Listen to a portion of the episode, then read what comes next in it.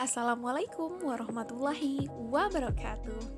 Halo teman-teman semua, senang banget ya ketemu lagi di Mopokah PPBM Peternakan Unan Payakumbu bersama aku Nah teman-teman, hari ini adalah podcast kedua dari Mopokah PPBM Dan uh, sebelumnya uh, Wera mau terima kasih dulu buat teman-teman yang udah mau setia mendengarkan podcast KPPBM ini Nah, hari ini kita akan bahas materi atau tema ya seputar salah jurusan. Wah, siapa nih teman-teman yang salah jurusan gitu, yang merasa salah jurusan gitu.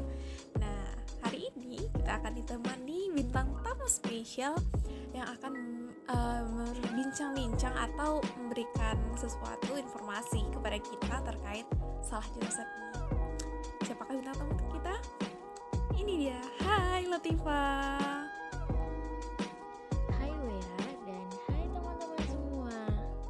Kenalin ya. Latifah Putri Jita biasanya dipanggil Latifah atau Tifa sekarang kuliah di semester 7 jurusan peternakan Universitas Andalas Payakumbuh Yeay, wah teman-teman mungkin pada kenal ya sama Kak Tifanya uh, Nah, uh, Tifa apa aja nih kegiatan hari ini atau kegiatan akhir-akhir ini? Apa aja sih? Uh, kalau kegiatan ya mungkin sekarang lagi sibuk ya sama KKN gitu. oh, gitu. Mungkin iya. Mira juga KKN ya? Iya. KKN, kuliah kerja nyata. Nyata. iya iya. Oh selain KKN apa nih uh, kegiatan Tifa? Udah mulai penelitian mungkin atau udah bikin proposal?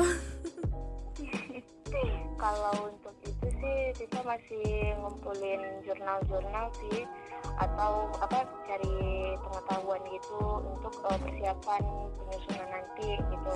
Soalnya sampai sekarang sih masih belum mulai penelitian jadi karena ada waktu ya kita transfer dulu daripada nganggur ya.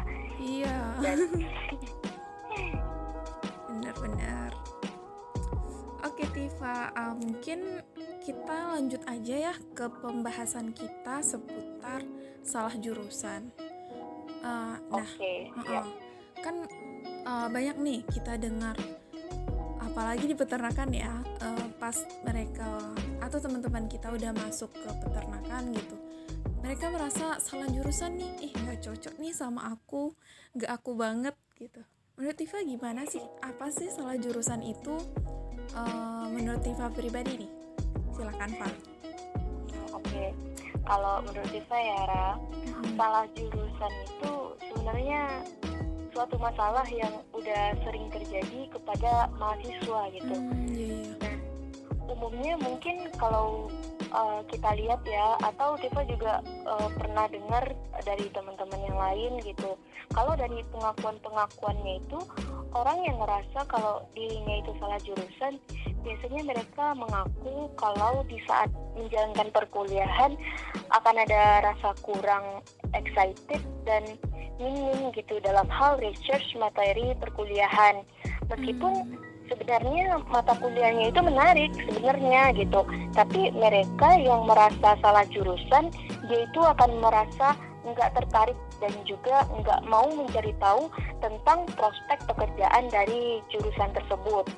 Nah, bahkan nih teman-teman, ada beberapa uh, orang-orang yang mengaku salah jurusan itu, mereka itu stres selama perkuliahan oh, dan iya, akhirnya ya nggak apa nggak menikmati proses belajarnya. Terus dia itu juga uh, nggak bakal cocok dengan lingkungan perkuliahan dan nggak tertarik dengan relasi orang-orang yang sejurusan dengannya.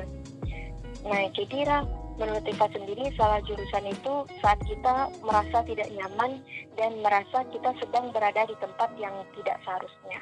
Oh, itu sih. Oh iya iya iya. Jadi kesimpulannya uh, menurut Tiva orang yang salah jurusan tuh dia tuh tidak cocok lah berada di lingkungan itu atau uh, yang itu ya. Iya, dia merasa harus di tempat yang lain yang sesuai dengan passion dia gitu. Hmm, iya iya iya. Uh, jadi gini, Fah kok bisa sih ada orang yang salah jurusan? Menurut Tifa gimana nih? Kalau itu sebenarnya susah ya kalau untuk kita jelasin gitu. Mm-mm. Tapi sebenarnya kenapa bisa salah jurusan itu karena bayangin deh Ra, Iya. anak yang umur 17 atau 18 tahun itu Mm-mm. di tangannya itu ada pilihan untuk menentukan dia jurusan apa gitu. Kan anak-anak sebesar itu akan memilih jurusan. Tentu mereka itu ada banyak tipe lain juga gitu. Misalnya Mhm. ada beberapa anak yang dia memilih itu karena ikutan temannya Oh iya. atau karena uh, tuntutan dari keluarganya Mm-mm. atau juga karena dia itu pengen cari yang gampang aja gitu. Nah jadi menurut Tifa untuk anak sebesar itu harus dibimbing gitu, baik itu oleh orang tua ataupun guru di sekolah gitu. Hmm, iya iya iya. Jadi ada banyak apa ya? Ada banyak permasalahan ya yang membuat uh, seseorang itu salah jurusan ya, Fa. Iya, nah betul itu. Hmm, iya iya iya. Uh, terus Fa kalau misalnya nih kita atau teman-teman kita nih ada yang salah jurusan, apa sih yang harus kita perhatikan saat ingin memilih jurusan agar tidak uh, sampai nih kita ke apa ke tahap di mana kita salah jurusan gitu, di mana kita merasa salah jurusan gitu. Nah sebenarnya Ra, sebelumnya uh, juga sedikit berbagi ya teman-teman. Nah kita pernah pernah uh, apa nonton YouTube gitu. Jadi yang waktu itu uh, YouTube-nya Kak Gita Satitrira. Nah jadi beliau itu membahas kalau saat kita akan lulus dan akan memilih jurusan lulus sekolah ya. Mm-mm. Nah, Jadi yang pertama itu kita jangan takut dulu. Jangan merasa kalau cuman kita ini sendiri yang yang lagi kebingungan gitu Hmm. dalam memilih jurusan. Karena pasti deh semua anak-anak yang lulus dari sekolah pasti semuanya itu merasa kebingungan. Pasti semuanya itu merasa kebingungan.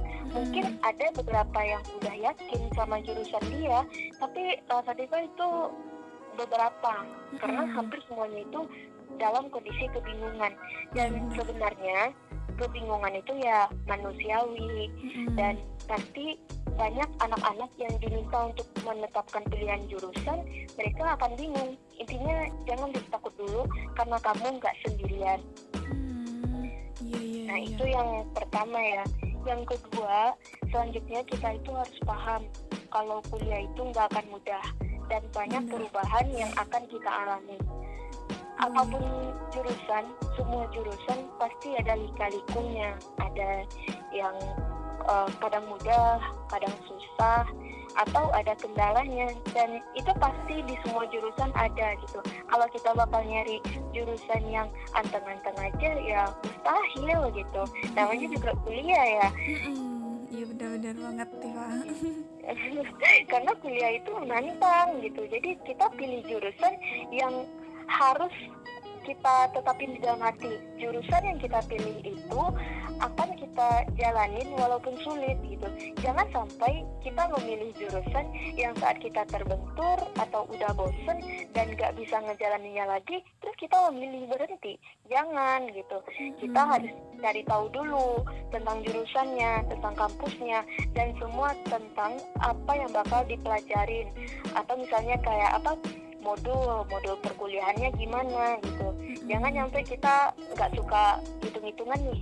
Terus kita daftar-daftar aja tanpa ngelihat apakah di situ ada eh, statistikanya gimana gitu atau hitungannya gimana gitu. Nah, nanti kalau udah ketemu mata kuliah yang kayak gitu, terus kita akhirnya milih, eh, terus kita bakalan ngecap diri kita itu kalau di kita itu lagi salah jurusan gitu, nggak nggak semudah itu untuk ngatain kalau kita itu salah jurusan gitu. Hmm, ya bener-bener banget Fa. Eh, tapi ya, uh, Wera juga pernah survei sih. eh, walaupun orang tersebut itu suka sama jurusannya atau katanya cocok lah sama jurusan yang sesuai passionnya, dia tetap ada suatu masa di mana dia tuh merasa, eh kok ini susah banget sih materinya gitu. Terus ada masanya dia juga bosan. Padahal itu udah sesuai jurusan dia katanya gitu. Apalagi orang yang mengatakan dia tidak salah eh, tidak salah jurusan uh, itu pasti uh, kayak lebih berat gitu ya Fa iya hmm, baik baik uh, terus Fa uh, saat udah saat apa nih saat kita udah mutusin uh, kita mau jurusan apa terus apa yang harus kita lakukan nih agar kita tuh komitmen di jurusan uh, yang kita pilih itu nah kalau seandainya untuk komitmen itu Ra mm-hmm. sebenarnya komitmen uh, saat kita salah jurusan nih terus kita harus memilih dulu gitu apakah kita mau stay di jurusan itu atau kita mau pindah di jurusan itu? Kita harus menentukan di antara dua itu gitu. Nah sebenarnya karena kita merasa kita salah jurusan kita harus cari tahu dulu apa sumber dari ketidaknyamanan terhadap kuliah itu gitu. Apakah karena universitasnya yeah. karena jurusannya atau karena teman-temannya atau masih banyak hal-hal lain yang bisa kita telah dulu sebelum kita mencap diri kita ini salah jurusan gitu. Nah, setelah kita tahu apa sumbernya, kita harus ambil keputusan.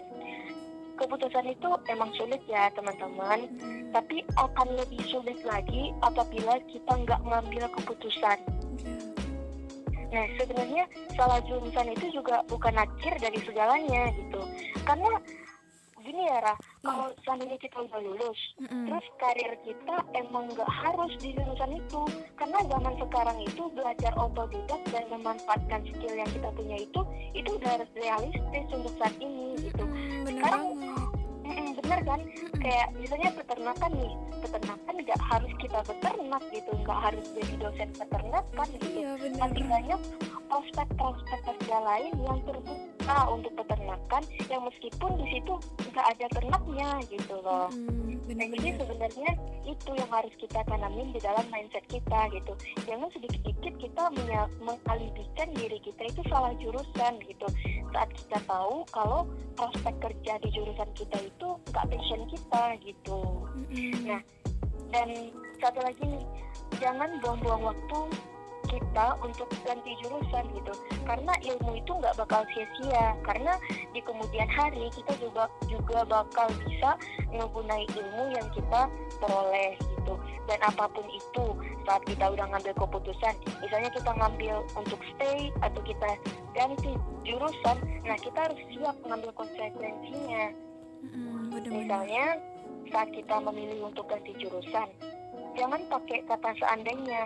Misalnya nih seandainya aku nggak pindah pasti aku udah lulus bla bla bla bla. Hmm, jangan. Iya banyak banget yang kayak gitu ya kak iya karena itu udah keputusan kita dan itu resikonya. Dan hmm. itu nggak apa-apa. Asalkan setelah pindah jurusan kita itu kita komitmen gitu terhadap jurusan baru kita. Nah dan kalau misalnya kita udah ngerasa salah jurusan tapi kita memutuskan untuk tetap stay di jurusan itu dan melanjutinnya berarti kita harus mencari solusi agar kita nyaman dalam melanjutin kuliah mm-hmm. jadi sesuai pertanyaan tadi ya komitmen yeah. gitu gimana cara komitmen mm-hmm. apa pun keputusan yang kita ambil itu adalah pilihan kita karena hidup kita ini penuh dengan pilihan sekalipun kamu tidak memilih itu adalah pilihan gitu. Iya benar. Jadi semuanya itu adalah pilihan kita. Dengan keputusan yang kita ambil, kita harus komitmen untuk mencapai goals kita. Meskipun itu kita memutuskan untuk pindah jurusan atau enggak, nah intinya itu harus komitmen. Nah, jadi Ra, uh, salah satu motivator yang udah terkenal gitu kan Kak yeah. Mary Diana Wah, mungkin kalian iya. kenal ya kenal banget nah jadi teman-teman yang lain udah pasti udah sering dengar tentang Kak Mary Diana ini mm -hmm. jadi beliau itu ngasih kita dua langkah agar kita itu komitmen lah mm, apa itu jadi yang pertama itu mm. kita harus ubah mindset atau pola pikir kita misalnya kita harus mengubah apa pun suara-suara yang muncul, baik itu dari pikiran sendiri maupun dari orang-orang yang masuk ke telinga kita. Hmm. Cara mengubah mindset atau pola pikir itu, formulanya itu ubah kata hanya ke justru karena. Hmm, ngerti nggak sih Ra? Ngerti nggak? Hmm, agak kurang sih Pak. Coba Tifa jelasin Ah. lebih rinci gitu. Nah, jelasinnya itu kita Ah. kasih contoh ya. Iya iya. Misalnya kita mikir Uh-uh. dari kata hanya ke justru karena. Mm-mm. Kalau kita pakai kata hanya, misalnya saya kan hanya mahasiswa yang belum nemuin passion sesungguhnya. Nah, jangan Oh. pakai kata-kata itu. Iya, Kita iya, iya. coba pakai kata justru karena.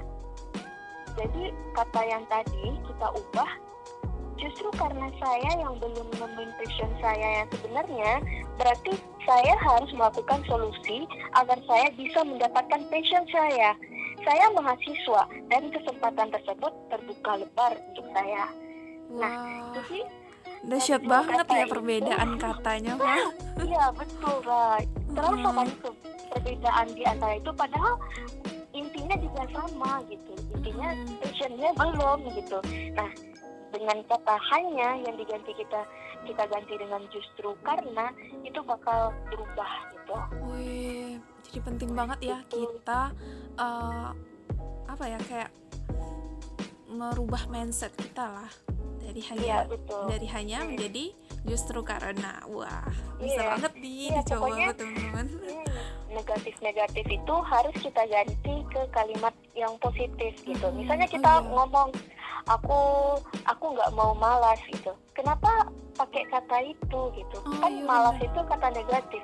Kenapa kita nggak ganti aja sama kalimat yang lebih positifnya gitu? Misalnya aku harus rajin gitu. Iya Padahal kan banget. sama gitu. Mm-mm. Nah intinya itu tubuh kita ini harus diasup dengan kata-kata positif gitu. Kita hindarin menggunain kata-kata yang eh, negatif gitu Iya. Ra. Dulu uh, Wera pernah Pak bikin kayak notes Mm-mm. uh, di dinding, bikinnya tuh jangan menyerah.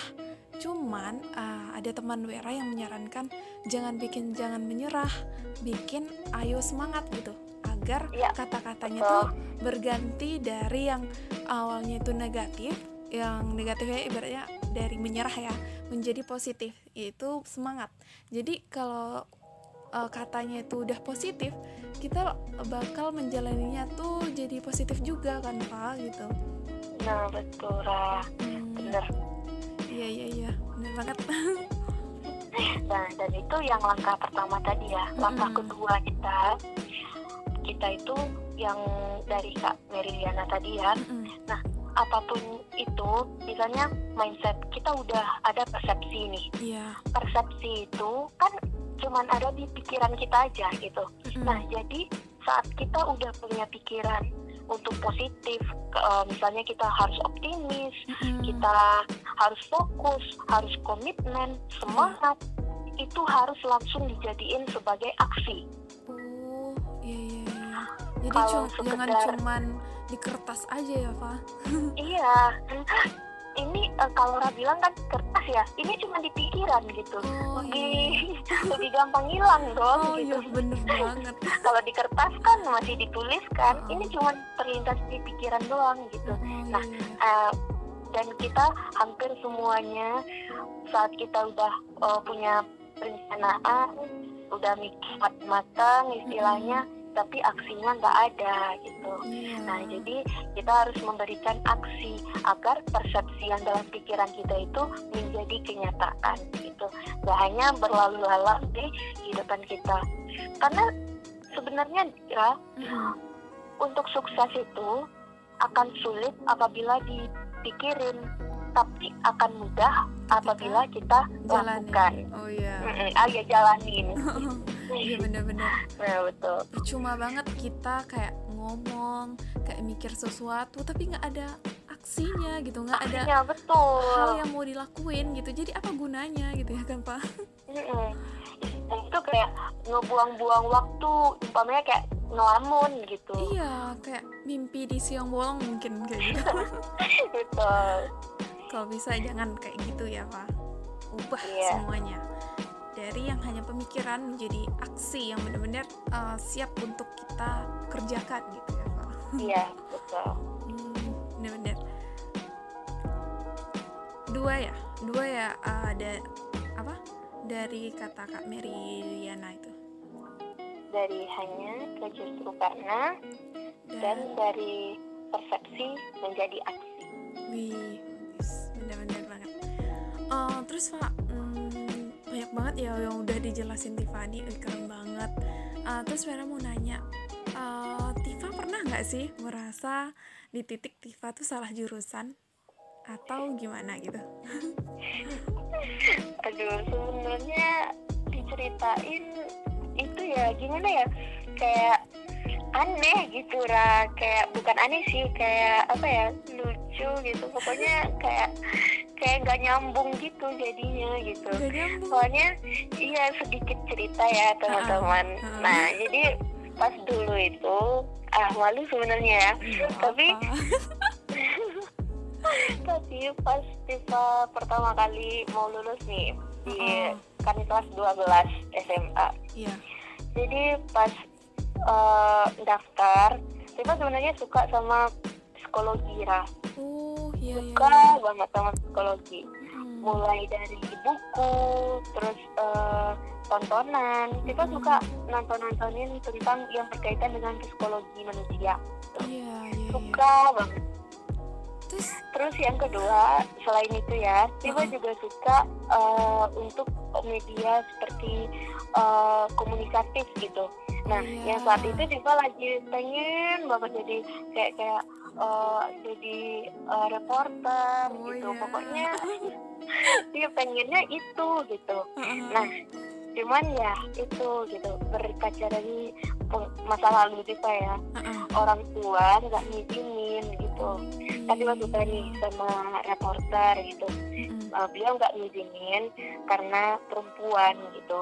Nah kalau kita perempuan tentu uh, resikonya itu lebih besar. Sebenarnya hmm. semua pekerjaan ada resikonya ya. ya Cuman uh, kata mama gitu itu beresiko gitu nah karena itu udah kata orang tua tentu kita sebagai anaknya iya. dengerin gitu kan restu orang nah, tua tuh penting banget pak jadi Deva daftar di waktu itu senam PTN oh, iya. daftar jurusan psikologi di Unan juga. Oh di Unan tapi mm, tapi ya waktu itu nggak lulus belum rezeki ya. iya belum nah, rezeki. nah, jadi karena itu udah agak gimana ya udah kayak bingung juga kan gimana nih mau ambil apa lagi gitu. Kalau SBM ambil psikologi lagi kayaknya udah enggak gitu. Udah gimana udah patah semangat gitu gitu. Nah hmm. jadi akhirnya bisa milih untuk uh, ambil kampus yang dekat aja gitu. Nah kebetulan kan kampus uh, Payakumbu kan di Payakumbu nih kampus Unan Payakumbu. Mm-hmm. nah rumah desa di Kabupaten 50 kotanya. Nah, jadi karena mengimbangi itu nah Desa ambil jurusan kita kan ada tiga nih ada yeah. manajemen ekonomi sama peternakan iya yeah, iya yeah. karena basic Desa IPA mm-hmm. di SMA nah jadi Desa kan ambil sashum eh juga ambil apa nih uh, IPA IPS ya pas yeah. SD oh, oh, supaya iya, iya. bisa ngambil itu yang IPS takutnya nanti nggak lulus kan peternakan mm-hmm. nah jadi pilihan keduanya itu eh, pilihan ketiganya itu tiba masukin manajemen kampus kayak kumpul gitu itu salah satu alasan biar bisa deket sama rumah gitu nah, oh. nah terus lah uh, nomor satunya itu peternakan padang gitu uh, karena rencananya itu kalau lulus di Padang ntar pindah ke Payakumbu gitu ke peternakan Payakumbu oh, gitu, gitu? untuk jaga-jaga iya soalnya mau di rumah gitu. Oh. nah sebenarnya itu pak itu karena itu juga juga bingung kenapa sih kayak gitu sih tiba mikir um, milih jurusannya kayak gitu gitu supaya dekat sama rumah gitu. Ya, sebenarnya itu terlalu terlalu gimana ya gitu orang tua nggak maksa tapi kita mikirnya gitu gitu ya waktu itu kan umur masih 17 tahun dan hmm, tentu labil lah ya labil iya pemikiran pasti kayak gitu gitu hmm. masih mikir enaknya gitu masih hmm. takut untuk keluar dari zona nyaman gitu hmm. nah jadi untuk teman-teman yang dengar podcast kami ini hmm. nah jadi sebenarnya jurusan itu adalah hal yang serius gitu iya, dan iya. Setelah kita cerita ini uh, kita nggak menganggap diri Tifa ini salah jurusan gitu karena Tifa berusaha untuk stay di jurusan dan mengambil positif mulai dari research gimana uh, prospek kerja kita setelah lulus nanti mm-hmm. atau gimana uh, yang menarik gitu misalnya sebenarnya jurusan itu tuh kayak jurusan peternakan ini nggak bisa dianggap enteng gitu. Mm-hmm, mungkin bener awalnya banget. iya awalnya bisa juga mikir kan aduh peternakan nanti ditanya sama orang jawabnya peternakan mau jawab apa gitu. Iya bukan jadi kandang. Iya. Bagus Tapi masa setelah- kuliah katanya ya. Iya tapi kan Ra, setelah kita jalanin Mm-mm. kita banyak kan menemuin fakta-fakta iya. yang nggak kepikiran sama sekali. Banyak banget nggak nyangka loh iya kita temuin di perkuliahan gitu Mm-mm. jadi perkuliahan peternakan tuh nggak cuman bahas peternakan kita emang kayak bahas apa ya luas lah gitu kan Fa iya luas gitu. Bahkan Ra, kita pernah nih mikir kan? Heeh. mikir kan eh eh ngelihat apa beli misalnya contoh keju gitu kan. Iya. Kan beli mahal nih. Mm-mm. aduh mahal. Pasti nih cara bikinnya susah. Gini gini gini gitu gitu kan. Iya. Itu kan pemikiran orang awam. Mm, tapi setelah masuk ke peternakan kita kan praktek. Iya. praktek bikin keju.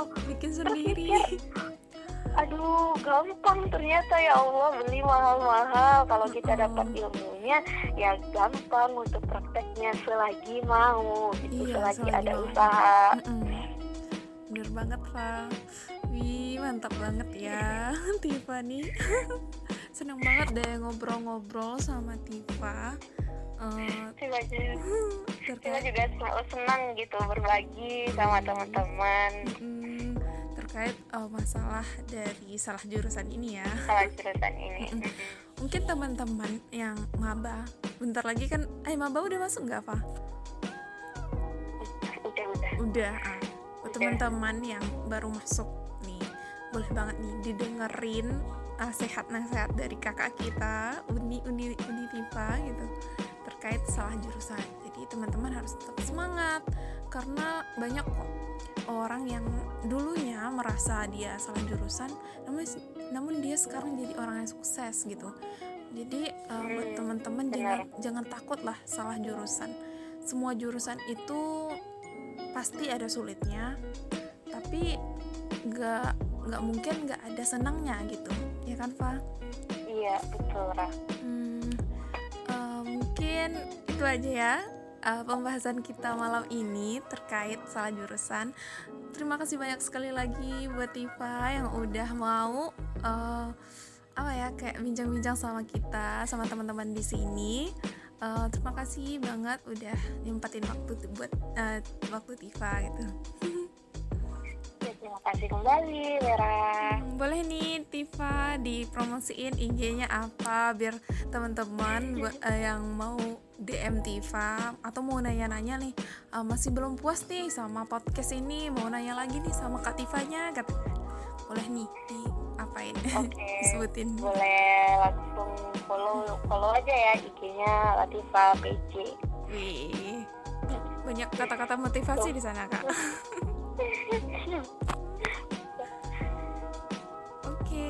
baiklah teman-teman semua, terima kasih sudah mendengarkan podcast eh, kali ini episode kedua.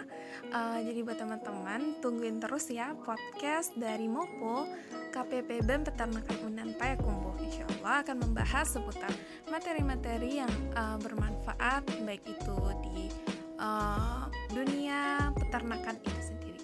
Uh, Wabillahi taufiq wa hidayah. Assalamualaikum warahmatullahi wabarakatuh. Terima kasih teman-teman.